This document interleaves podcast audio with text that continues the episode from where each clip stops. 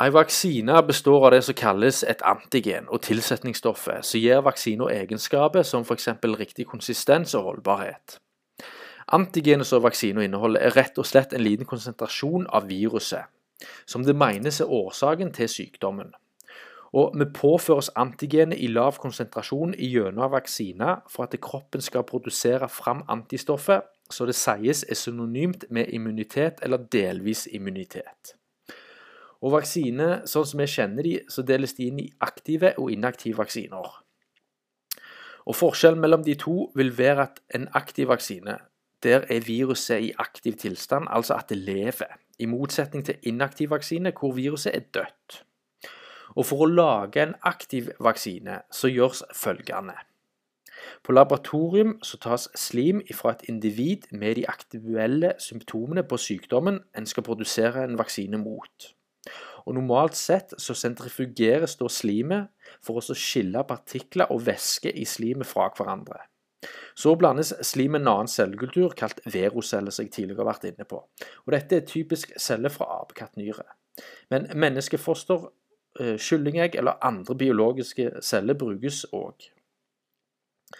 Og Denne cellekulturen, altså nå bestående av slim og veroceller, den sultes, dehydreres og tilsettes andre forurensninger, som f.eks. For antibiotika og oksidasjonsmiddel.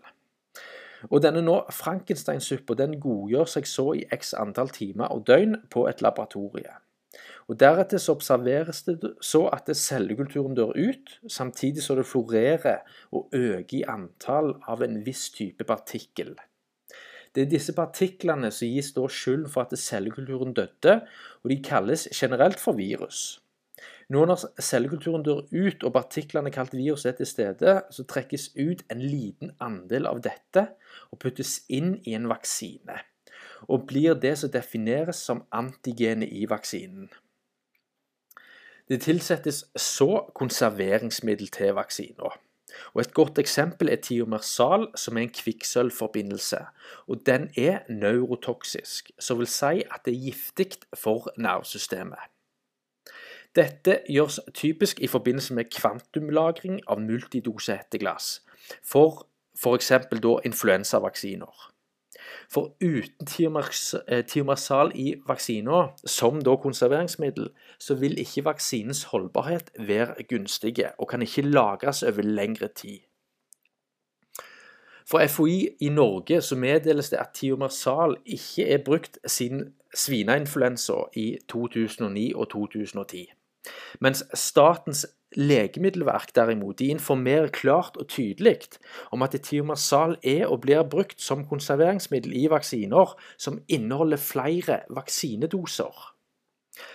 Tiomersal er forresten ikke lov å bruke i barnevaksiner her i Norge. Men under fremstillingen av vaksine generelt så vil tiomersal og andre neurotoksiske kjemikalier, som f.eks. For formeldeheid, benyttes og en fullstendig rensing og fjerning av disse vil ikke la seg gjøre. Derfor forekommer det spor av virkestoffene uavhengig av type vaksine og rensing, eh, rensemetode, for å si det sånn. Og Vi ble jo alle fortalt at det er mengden av et virkestoff som avgjør om det er giftig eller ei. Men ved en gradvis akkumulering av gifter i kroppen, så vil det uten tvil forårsake negativ helse Altså Bare se på barnevaksinasjonsprogrammets økende trend av vaksiner siden 1980-tallet, og forekomsten av autisme, ASD, sudden infident syndrom og allergier generelt, som jeg òg var inne på i foregående sjappis. for ikke å snakke om demens hos den eldre garden. En vaksine tilsetter så stabilisator eller emulgator, og en typisk emulgator er polysobat 80. Den er uten tvil, på bakgrunn av all forskning som i senere tid har blitt gjort, en kjemisk sammensetning som bryter ned blod-hjernebarrieren, altså blodåreveggen i hjernen, som vil forårsake at substanser og forbindelser i blodomløpet vil kunne trenge seg gjennom åreveggen og inn i området hjerne, på bakgrunn av en økt permabilitet som nettopp polysorbat 80 forårsaker. Det kan òg nevnes at polysorbat 80 er et virkestoff i flere matvareprodukt, som f.eks. iskrem og som kosmetikk. Men som tidligere nevnt i Kjappes 30, med aluminiumseksempelet, så kan ikke inntak via mat og drikke eller absorpsjon gjennom huden sammenlignes med injeksjon, der han bryter alle kroppens naturlige barrierer. Som siste trinn i en aktiv vaksineprosess så vil han fryse vaksina for så å distribuere den. Og I forbindelse med en inaktiv vaksine så er fremgangsmetoden helt lik, men etter emulgatorfasen så tilsettes vaksina en varmebehandling i så stor grad at viruset drepes og blir såkalt inaktivt. Det tilsettes så adjuvans i vaksinen, som vil si et tilsetningsstoff som er aluminium, som da vil irritere eller framprovosere antistoffutskillelse i kroppen til den vaksinerte.